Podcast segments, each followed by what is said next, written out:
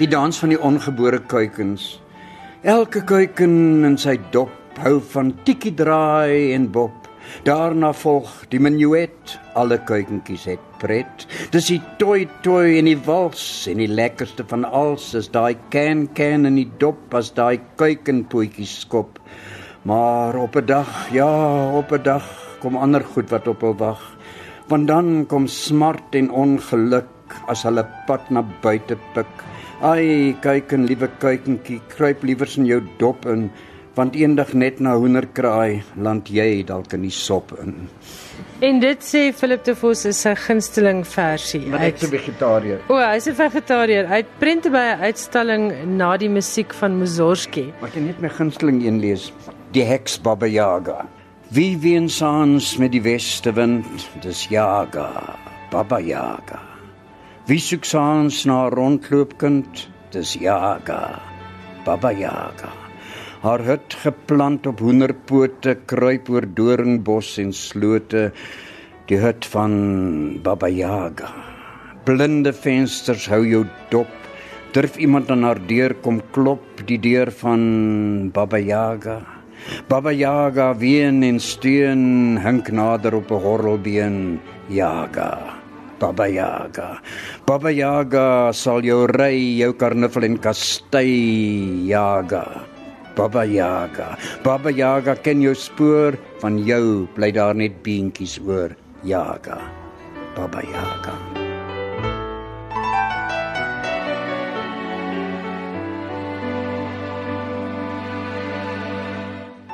En as jy gewonder het of jy nou ooit ingeskakel is op die regte program, hierdie is inderdaad skrywers en boeke. Ek is Elsje Salzwetel en jy luister na RSG 100 tot 104 FM. Maar ek het afgeskop met Philip de Vos omdat ons later in die program 'n baie lekker gesprek het met hom. Ek het met hom gesels by die Pretoria Boekejol en Filmrolfees en ons het gepraat oor sy werk, sy liefde vir rympies, soos wat hy sy limerieke noem, en sommer al die dinge wat hom inspireer en laat tik. So dit dan bietjie later in skrywers en boeke, maar ons skop nou eers af met 'n bietjie nuus oor hierdie naweek se tuin van digters in Wellington. Dit begin Vrydag alreeds en dit hou aan tot Sondag. En net weer so oorsig oor die program. Dit gaan nog lekkerder wees as die vorige 5 jaar. Daar's een ekstra dag van saamkuier by die program gesit. Hulle begin nou reeds op Vrydag met 'n simposium. Maar moenie laat die woord simposium jou afskrik nie. Dit gaan inderdaad net 'n klomp baie lekker gesprekke wees rondom die woordkuns, die digkuns. Die program word in samewerking met die Universiteit van Stellenbosch aangebied en die Room van die Afrikaanse letterkundige wêreld, soos Marlene van die Kerk, Louise Viljoen, Bibi Slippers, Nelleke die Jager, Andries Visagie, Willem Anker, Alfred Schaffer, Ronaldo Goede, Diana Ferris en nog 'n hele klompie ander mense gaan teenwoordig wees om met feesgangers te gesels rondom die digkuns. Die digkuns in al sy forme en verskynsels word aangepak en hierdie jaar gaan daar weer rymkletsers wees. Hierdie keer is dit Back Argitek, Jetsvinger van die Kaapse vlakte en Aquasi van Nederland wat die gehore gaan vermaak.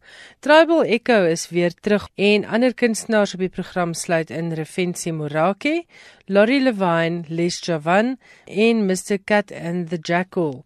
Waldie Schultz en Ira Blankenberg gaan te sien wees in 'n nuwe produksie wat geskoei is op Fanie Olivier se keuse van die heel mooiste Afrikaanse liefdesgedigte.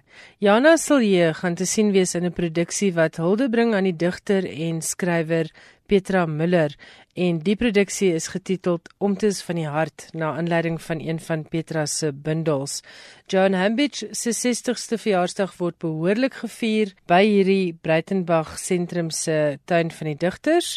Dan is daar ook hierdie jaar 'n spesiale program gemik op die kinders, so bring hulle gerus saam.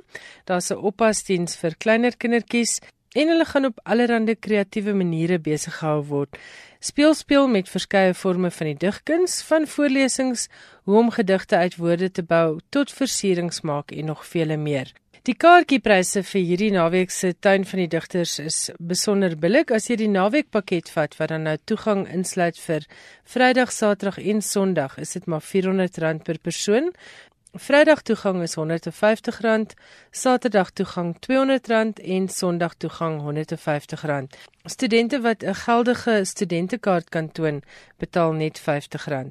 Vir enige navrae oor die Wellington se tuin van die digters wat by die Breitenberg sentrum aangebied word, skakel gerus vir Jean-Marie Gerber by 021 873 2786 021 873 2786 gaan loer gerus ook op die Breitenberg sentrum se webwerf by www.breitenbergcentrum.co.za vir die volledige program en dit is soos ek sê regtig 'n lekker program. Ek het nou nie eers 'n kwart van wat daar gebeur genoem nie. Nou is dit uiteindelik tyd vir my heerlike geselsie met Philip de Vos. Ek is seker na vanaand se program gaan hy 'n hele paar meer aanhangers hê. Geniet dit.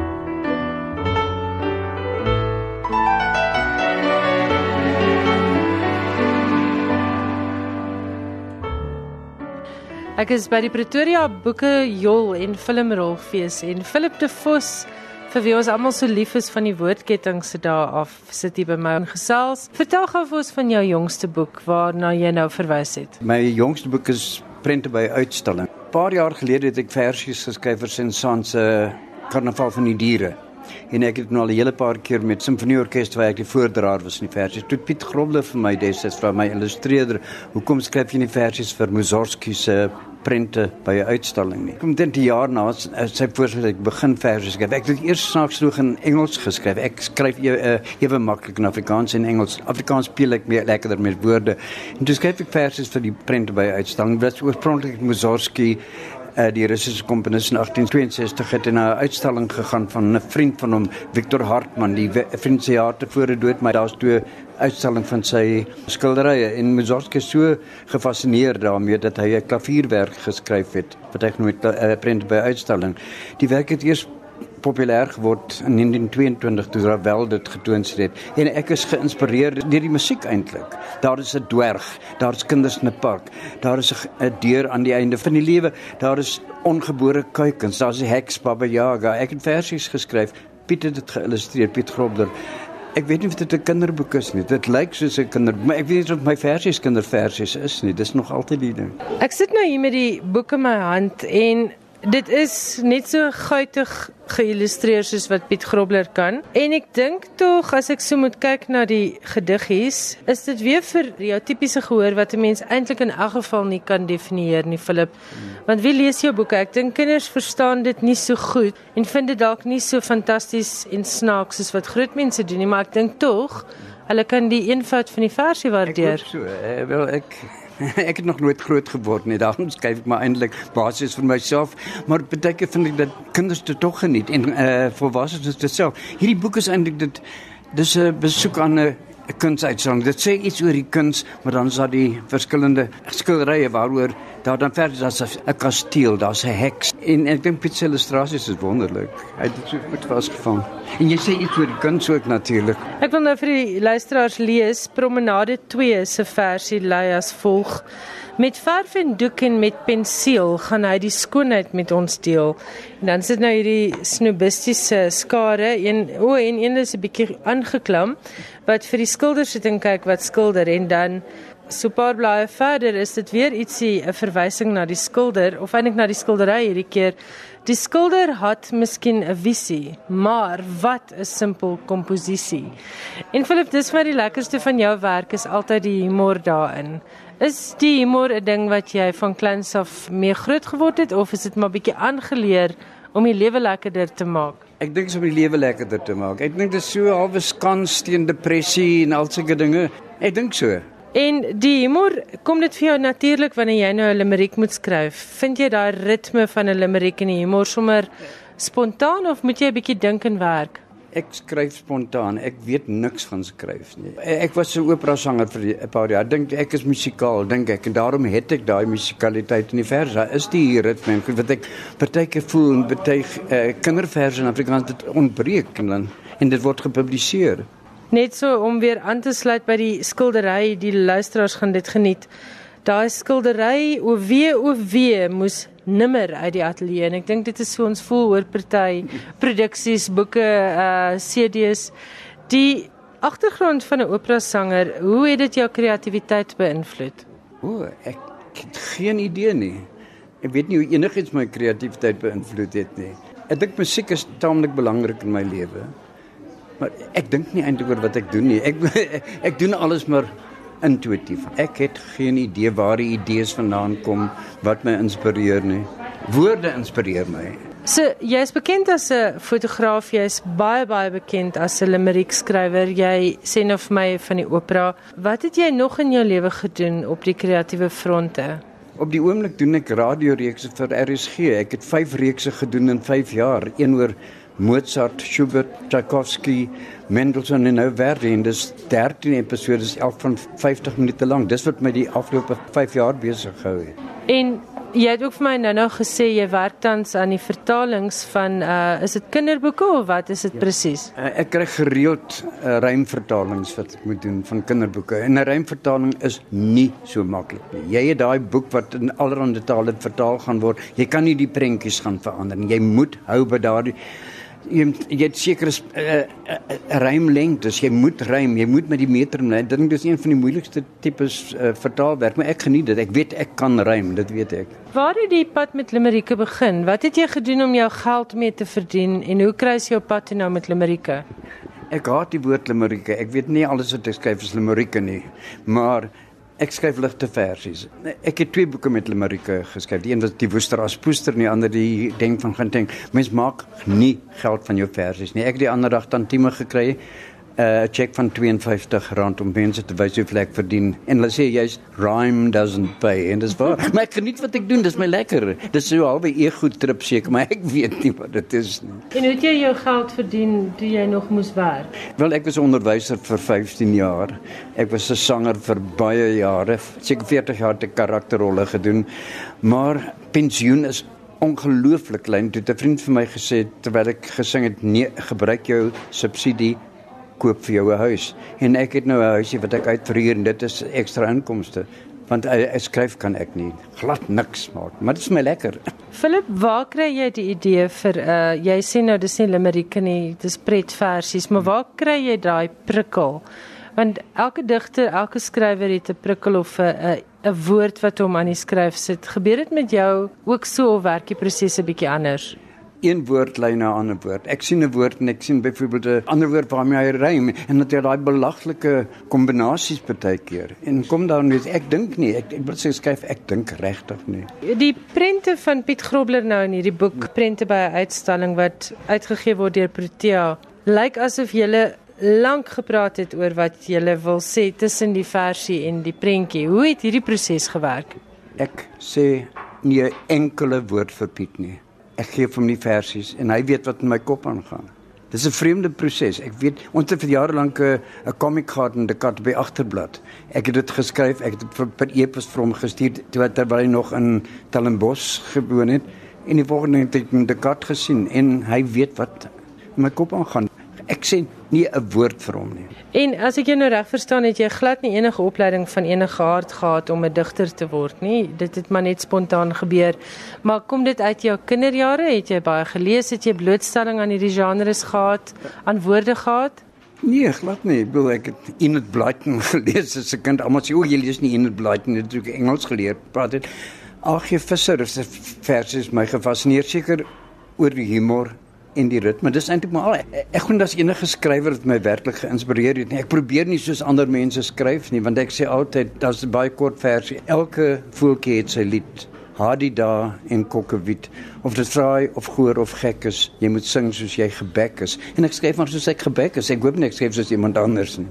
Wanneer het jy jou eerste limerieke gepubliseer en uh, was dit jare nadat jy dit vir die eerste keer geskryf het? Ek probeer uitkom by die ding wanneer het jy daai eerste snaakse versie gepen en wanneer het jy hom vir vriende gewys en hoe gebeur 'n boek toe? Ja. Ehm um, jare gelede het ek 'n boek geskryf Karel van Cricketstraat oor my kinderjare. Dit is nie autobiografies nie, maar dit is half en half autobiografies. Dit is eh, gepubliseer omtrent 5 jaar nadat ek geskryf het. Toe skryf ek 'n tweede boek oor die agtertrekkers. Ek het dit baie humoristies gemaak want die voortrekkers was my toe op skool was my vreeslik soos 'n klomp droë biltong en toe maak ek dit vrolik vir my. Ek skryf uh, stuur toe die manuskrip vir Leon Rousseau en daar was een versie wat ek aan geskryf. Weet nie waarom nie en hy vra vir my hoekom skryf jy nie kinderversies nie? En ek nog nooit in my lewe eers gedink aan iets nie. Ek het huis toe gegaan en ek my eerste versie geskryf en dit was Wat is die verskil tussen katte en muise? Muise het sterte en katte het luise. Ja, muise het sterte en so 'n kat mag geen muise te luise vir kat op sy blad. 'n Muise te luise en 'n sterte is 'n perd en perde het luise maar lei nooit aan muise. En katte het luise en die sterte en soms kyk hulle droom retour in die verte na muise en luise en perde se huise en dis hoe jy weet wat skatte en muise. Dit was my heel eerste versie. As jy nou gehoor was het ons vir hande geklap. Wie is hier's een mens wat vir ons staande toejuig. Toe, hoeveel kinderverse boeke of hoeveel kindergediggies? Uh, ek het in 'n maand het ek toe ehm um, 30 50 versies geskryf. Ek het dit aan Leon Rousseau voorgelê en hy het gesê dis nie sleg nie. En ek het gedagte dis uh, 'n negatiewe opmerking. Ek het dit in 'n laai gegooi. 5 jaar daarna het ek die laai skoon gemaak en hier lees ek my eie versies en ek lag vir my eie verse. Ek dink dit is nogal goed. Stuur dit Tafelberg toe. Omtrent 'n jaar daarna is my eerste boek gepubliseer. Oor tog gogga. En my Martin, jy is nie 'n skrywer as jy net een boek geskryf het nie. Jy skryf maar twee en ek skryf te brommer in die sop en ek wag omtrent 'n jaar en ek kry geen antwoord van die uitgewers nie. Toe gaan ek by die CNA verjaarsdagkaartjie vir my boek vir, vir baba wat 1 jaar oud is. Ek sê jy's 1 jaar oud. Baie geluk. En die volgende jaar is my tweede uh boek gepubliseer. En nou is daar omtrent 30 boeke. Meeste daarvan is maar ligte versies en limericke. Nou baie mense weet nie wat 'n limerick is nie. 'n Limerick het 5 reëls. Dit sê altyd oor 'n persoon of 'n plek. En ek het 'n um, 'n opsomming van 'n limerick. Uh, Daar's 5 reëls in 'n limerick. Hulle is snaaks of stout of effens siek. Hulle het iets om die lyf en die angel in 5 is die fyn draai van die briek. Daai vyfde reël. Daarom dit is wat 'n limerick is. Nie my ander litverse, echt my perfekte limerick. Ek weet dit is perfek ek hou van hom. 'n Stout Die goeie tant Henty Breda. Sy man het haar vreeslik gepla. En toe sê tant Henty: "Ag, los nou my panty, hou op om my klere te dra." Daar is die grappie in die laaste reël, eintlik in die laaste woord. Ja. En dit is wat 'n limerick moet wees. Hulle is gewoonlik stout. En nou hoor julle weer hoekom het die woordketting hierdie jaar 'n ATK veertjie gewen. Philip de Vos uh, se humor wat die beoordelaars ook uitgebou het. Philip gaan ons hierdie jaar weer woordketting hou. dit maak my verskriklik benoud. Ek het nagmerries vooraf want ek, om spontaan te dink is nie altyd so maklik nie. En ek is 77, ek's nie 'n kind nie. Ek is nou nie dood nie. Jy weet dit self, jy het dit gesê al. my, my my brein werk nog. Dis gelukkig. Maar ek weet dit nog so vinnig werk nie. Te oordeel aan hierdie boek, werk jou brein baie goed en baie vinnig. Ek wil net nog 'n laaste ding vra oor 'n limerick. Dink jy ons het 'n plek vir meer daarvan in Afrikaans? Ja, ek dink mens moet kan lag, maar ook nie om net omdat iets laf is, omdat dit snaaks is nie. Ek hoop my werk het iets meer as net 'n blote oppervlakkige iets. Nee, ek weet self nie. Toe ons nou nou hier na die Rooi Rose skrywerskamer hier by die Atterbury Theater stap hier by Linwood Bridge waar die Pretoria Boekejol en Filmrolfees gehou word. Te stap ons verby die pragtige standbeeld van die donkie. Luisteraars wat nog nie by die sentrum was nie, moet gerus kom kyk. Dit is pragtig. Daar lê donkie sit tussen sulke spuitfonteine. En toe al Philip spontaan hierdie versie uit sy geheuebank wat hy geskryf het oor 'n donkie. En ek wil graag vra of jy dit sommer gou vir die luisteraars kan voordra. 'n Donkie is maar stowwerig Sy klere is iets wat dowwerig, skoon, verlore, niks beskore, twee verspotte opstaan ore van geboorte af kondem, bekla sy lot met 'n hi-ha stem. En dit was Philip de Vos. Ons sien uit na jou in die woordketting later hierdie jaar Philip. As daar nie 'n RSG kunstefees beplan is nie, dan hou ek en jy sommer 'n wegbreek woordketting met die res van die mense. Baie dankie dat jy tyd saam met my deurgebring het vandag. Dankie vir jou lekker humor en vir jou lewenswysheid en jou filosofie en mag daar nog baie prettige versies uit jou pen uitvloei. Baie dankie die baie prettige Philip de Vos wat ook terloops 'n uitstekende fotograaf is en wat gesorg het vir 'n pragtige fotoboek waarin hy bekendes afgeneem het. Die boek is getiteld Milieu. Kyk daarvoor uit as jy 'n kopie kan kry. Dis baie skaars en dit is oorspronklik uitgegee deur Protea Boekhuis. Hou gerus jou ore oop. Hierdie Vrydag is dit die amptelike bekendstelling van die RSG Kunstefees hier regstreeks op die lig. Vrydagmiddag, ek dink so rondom 12:30 se kant. Dan sal ons eers hoor of daar 'n woordketting is hierdie jaar en ons hou almal duim vas dat ons weer vir Philip Erns iewers met 'n woordketting kan gebruik. Op Vrydag 9 September het die ATKV weer die Afrikaanse letterkunde bekroon tydens die baie luisterryke ATKV woordfeertjies wat in Durban wil gehou is. 16 woordfeertjies is toegeken vir uitsonderlike prestasie rondom die Afrikaanse woord. Lenel Kenneth was die gasvrou en sy is bygestaan deur Tinarie van Wyk Loots, Chris van die Kerk en musikante Lokkie Rothman en Hiram Koopman. Die hoogtepunt van verjaar se woordfeertjies was die oorhandiging van die ATKV se hoogste eerbetoon, die prestige toekenning aan die legendariese Amanda Strydom. Die aand is gepas afgesluit met Amanda wat saam met die res van die rolverdeling haar besondere liedjie My Kamer gesing het. Die regisseur van die aand se program was Henny van Greunen.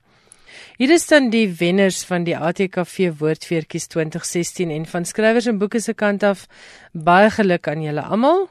Ek dink meeste van julle het al 'n draai gemaak hier op die program.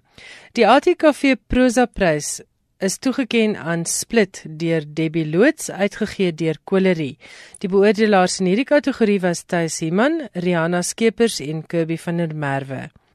Die woordfeertjie vir die beste liefdesroman vir 2016 gaan aan Irma Joubert met Immer Wes en dit is natuurlik uitgegee deur Lapa Uitgewers. Beoordelaars in hierdie kategorie was Sherin Krots, Rula Hatting en Madri Victor. Diana Ferris, Loftus Mare en ons eie Johan Meiburg was die beoordelaars vir die prys vir poësie en hierdie jaar is dit toegekend aan Gilbert Gibson vir sy digbundel Vry wat uitgegee is deur Iman en Resou. Die prys vir romanses gaan hierdie jaar aan Elsa Winkler vir haar boek Liefde in Laslap uitgegee deur NB Uitgewers. Die beoordelaars in hierdie kategorie was Karina Hanekom, Carol Ann Johnson en Kobie van Aswegen. Die prys vir die beste spanningsroman van 2016 is toegekend aan Martin Stein vir sy boek Skuldig, uitgegee deur Lapa Uitgewers en ek was saam met Sam Cooper en Ronel Nel, die beoordelaars in daardie kategorie. Theo Kemp, Janita Swanepoel en Mike van Graan was die beoordelaars in die afdeling vir die beste dramateks van 2016 en hierdie toekenning gaan aan Rooi Valk deur Nico Skeepers. Die ATKV gee ook elke jaar 'n woordwys toekenning vir woordeboeke en taalgidse.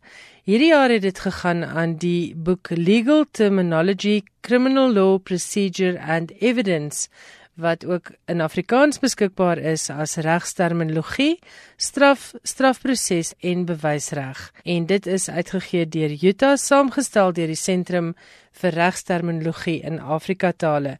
Die beoordelaars in hierdie kategorie vir woordeboeke en taalgidse was Anne Marie Bekes, Willem Botha en Leon de Stadler.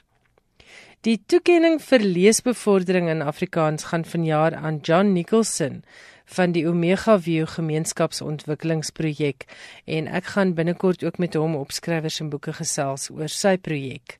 Dan is daar ook natuurlik die baie gewilde ATKV kinderboektoekennings en in hierdie afdeling stem die kinders self vir hulle gunsteling boeke en ook vir hulle gunsteling illustreerders. In die voorleeskategorie graad RR tot graad 1 is die skrywer Jaco Jacobs en die illustreerder Chris Venter bekroon vir Moenie die knoppie druk nie, uitgegee deur Lapa Uitgewers. In die selfleeskategorie vir graad 2 en 3 is dit weer Jaco Jacobs vir My ouma is 'n filmster uitgegee deur Lapa Uitgewers en die illustreerder wat deur die kinders gekies is is natuurlik Steven Wallace ook vir Lapa Uitgewers se My ouma is 'n filmster. Die wenboek in die selfleeskategorie graad 4 tot 5 is Fanny Viljoen se Bravo Lulu en Elspeth Eksteen is bekroon vir haar illustrasies in hierdie selfde boek. In die selfleeskategorie graad 6 tot 7 is Trula Gosen bekroon vir haar boek Spooksoene uitgegee deur Protea Boekhuis. In die selfleeskategorie graad 8 tot 10 is die skrywer Santinel se boek Liefde is 'n sprokie uitgegee deur Iman en Resou deur die tieners bekroon as hulle gunsteling boek. Van skrywers en boeke se kant af baie baie geluk aan al hierdie wenners. Baie dankie ook aan die ATKV vir die ATKV woordfeertjies. Julle gee nie net broodnodige erkenning aan skrywers vir hulle goeie werk nie, maar julle beloon hulle ook met kontantpryse en daarvoor wil ek baie dankie sê namens elke skrywer in hierdie land. Skrywers en boeke elke woensdag aand tussen 8 en 9. Johan Meiburg, baie welkom terug. Ek wil net gou-gou vir jou voorlees uit 'n brief wat 'n luisteraar vir my gestuur het. Dit kom van Marwa Bason Dliwayo en sy skryf uit die Kaap uit. Ek geniet altyd die internasionale segment. Dit laat my altyd lus voel om te reis. En sy skryf ook verder die geskiedkundiges wat julle soms op die program het ken beslis hulle feite. En sy het net laat weet sy geniet die hele program, maar ek wou dit spesiaal vir jou lees terwyl jy in die ateljee is. Baie dankie. Die mikrofoon is joune, ons luister graag na jou. Die kortlys vir die Nigerië Prys vir letterkunde is onlangs aangekondig. Die prys geborg deur LNG, die Nigeriese vloeibare natuurlike gasmaatskappy, beloop alle muntige 1,4 miljoen rand. Die kortlys is saamgestel uit 'n totaal van 173 inskrywings. Die drie skrywers op die kortlys is El Nathan John, Chika Unigwe en Abubakar Adam Ibrahim. John is benoem vir sy debuutroman Born on a Tuesday Sy kortverhaal Bayan Layi, wat die eerste hoofstuk van die roman geword het, was in 2013 op die kortlys vir die Kainprys. Unikwe is benoem vir sy roman Night Dancer. Hy het die Nigerië Prys vir letterkunde in 2012 met On Black Sister Street verower. Hy is onlangs aangewys as beoordelaar vir volgende jaar se Man Booker. Ibrahim is benoem vir sy roman Season of Crimson Blossoms, 'n verhaal wat afspeel in die konservatiewe noorde van Nigerië. Van hom het 'n bundel kortverhale, Whispering Trees, verskyn. Die Nigerië Prys vir Letterkunde roteer jaarliks en dek die genres prosa, poesie, drama en kinderliteratuur. Volgende jaar kom poesie aan die beurt. Die Amerikaanse digter Sharon Olds is ook sowat 1,4 miljoen rand ryker nadat die Academy of American Poets sy Wallace Stevens Prys aan haar toegeken het. Olds het die prys gekry as erkenning vir haar meesterskap in die digkuns.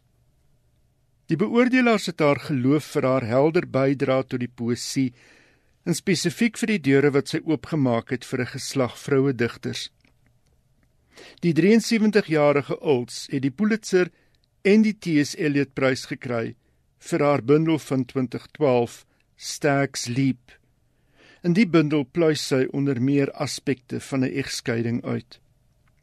Mark Doughty, voorsitter van die akademie, het Olds beskryf as 'n Amerikaanse meester en 'n nasionale skat. Met moed en geslypte aanvoeling en met onwrikbare geloof in die noodsaak van ondersoek het Olds haar lewe lank haar werk geskep het hy gesê. Met trauma of begeerte hartseer vreugde of die komiese as dieptepunt ontdek sy voortdurend moontlikhede met en deur haar poesie met die 15de herdenking van 9/11 het Dr Aaron Keeble dosent in letterkunde aan die Nottingham Universiteit in Brittanje, in 'n artikel in the Conversation ondersoek ingestel na die beslag wat die gebeurtenis in die romankuns gekry het en die verwagting wat gekoester word van die groot post-9/11 roman. Volgens Keeble het die woorde van George W. Bush indertyd aan September 11 night fell on a new world bygedra tot die buiteverhouding groot belang van die gebeurtenis wat alom as onvoorstelbaar beskryf is. Opvallend sê Keeble is dat die romans wat in 2006 en 2007 verskyn het, die van Don DeLillo, Claire Mesut, Jay McInerney en Ken Kalfus gefokus het op die maniere waarop bevoorregte wit New Yorkers met trauma omgaan. En al vier skrywers het dit gedoen aan die hand van huweliks- of verhoudingsnarratiewe. Wat veral uitstaan is dat iemand soos De Lillo wat al so insiggewend oor terrorisme geskryf het, soos die ander teruggeval het op huishoudelike dramas en nie daarin kon slaag om iets soos andersheid in die prentjie te bring nie. Asof huweliksoneenigheid die metafoor geword het vir die post 9/11 Amerika. Maar volgens Keeble was dit Zadie Smith wat die buitensporige belang van 9/11 so vasgevang het. Was daar in 1915 die verwagting van 'n Lusitania roman of in 1985 'n Bhopal roman? Toe die Lusitania gesink het en met die chemiese ramp in Bhopal in Indië is meer mense dood as in 9/11. Is 9/11 so groot gebeurtenis omdat dit in die FSA plaasgevind het? Is die strekking van Smith se argument. Die roman wat volgens Keeble die naaste aan Smith se siening kom, is Thomas Pynchon se Bleeding Edge van 2013, 'n boek waarin die belang van 9/11 vervleg is met 'n historiese aanloop, die naderdraai van die bars van die dot-com seebel in 2000 en die ontwikkeling van die internet tot 'n volledige korporatiewe omgewing. Douglas Abrams Die Amerikaanse skrywer van feite gebaseerde roman se jongste boek is binnekort in Suid-Afrika beskikbaar. Die boek, The Book of Joy, gaan oor Emeritus Aartsbiskop Desmond Tutu se besoek verlede jaar aan die Dalai Lama in Indië. Abrams gee in die nuwe boek blyke van die twee geestelike en morele leiers en twee van die oënskynlik gelukkigste mense op aarde se wysheid oor vreugde, selfs in tye van opperste teenspoed. Al twee die 80-jariges het persoonlike en openbare terugslae beleef en leef steeds die boodskap uit dat as jy self vreugde wil ervaar, jy vreugde vir ander moet bring. Abrams is ook bekend vir sy The Eye of the Whale. The Book of Joy word uitgegee deur Penguin Random House en kos net meer as R300. Ten slotte, vir lesers wat dol is oor die skryfwerk van spionasiemeester John le Carré, is sy eerste memoir, The Pigeon Tunnel: Stories from My Life, pas beskikbaar. Die 84-jarige David John Moore Cornwall, wat met sy derde roman, The Spy Who Came In From the Cold in 1963 roem verwerf het onder die skuilnaam John le Carré, was in die 1950s en 60s in die Britse geheime diens en ook in die geheime intelligensiediens. Na die sukses van die roman het Likkery M16 verlaat en hom heeltyds toegelê op skryf. In 2008 het die Britse dagblad The Times Likkery 22ste gehad op sy lys van 50 vernaamste Britse skrywers sedert 1945. In 2011 het die Goethe Instituut die Goethe Medalje aan hom toegekend. Sy jongste roman is A Delicate Truth van 2013. In sy resensie op die BBC se blog is The Pigeon Tunnel beskryf as 'n boek wat te koop loop met name die van Yasser Arafat, Rupert Murdoch, Margaret Thatcher en ander gawer mense. Die memoir handel oor Likkery se betrokkeheid in die Britse intelligensiediens tydens die jare van die Koue Oorlog wat hom geneem het van Kambodja tot Beirut en dit duur tot en met die val van die Berlynse muur. The Pigeon Tunnel word uitgegee deur Viking. Nou wil ek net gou-gou vir jou sê Marwa Basondolwayo skryf ook in haar brief aan aan my oor die program dat uh, sy altyd gemotiveer is om meer te lees. Nou dis presies hoe ek altyd voel as jy klaar is met jou internasionale insetsel want ek wil beslis die laaste twee boeke op daai lys hê, maar waar gaan ons die tyd kry? ja, en dit was lekker soos altyd. Uh, ons praat weer volgende week. Baie dankie. Dankie.